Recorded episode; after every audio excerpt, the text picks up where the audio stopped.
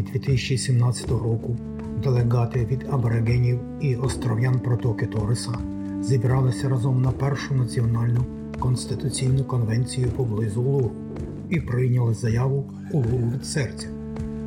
Заява пропонує зміни до Конституції Австралії, щоб визнати корінні народи Австралії в Конституції країни і намічає рух вперед на основі істини, справедливості та самовизначення.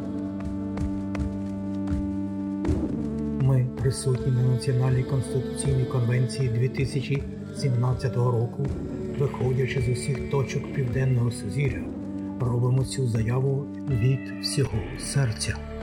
Наші племена аборигенів і остров'ян протоки Ториса були першими суверенними народами австралійського континенту і прилеглих до нього островів, і володіли ними та жили за нашими власними звичаями від створення світу, за загальним законом з первозданних часів.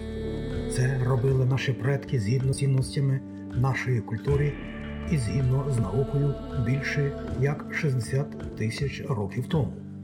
Цей суверенітет є духовним поняттям, прабатьківщина між землею або матір'ю природою і народами аборигенів і остров'ян протоки Тороса, які народилися там і вийшли з неї, залишаються прикріпленими до неї і повинні одного дня повернутися туди, щоб об'єднатися з нашими предками.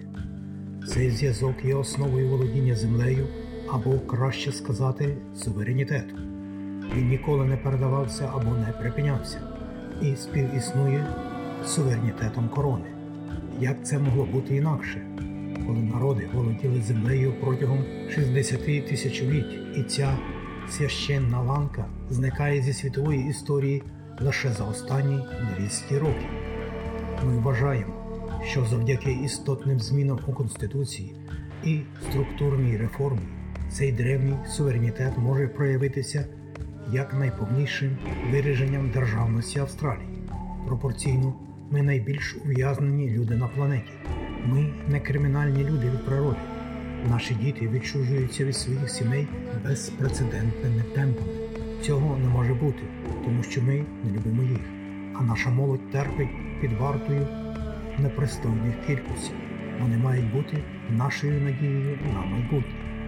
Ці аспекти нашої кризи чітко показують структурний характер нашої проблеми. Це борошно нашого безсилля. Ми прагнемо до конституційних реформ, щоб розширити можливості нашого народу і зайняти гідне місце в нашій власній країні.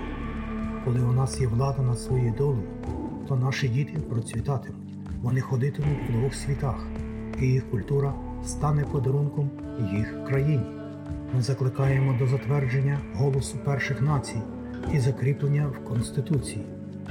Макарарата це кульмінація нашого порядку денного, об'єднання після боротьби.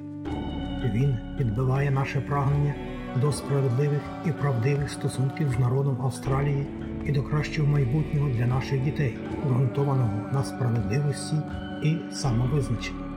Ми прагнемо до того, щоб комісія Макарата контролювала процес укладення угод між урядами і тубільними націями і розкривала правду про нашу історію.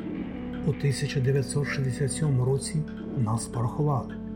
У 2017 році ми прагнемо бути почутими.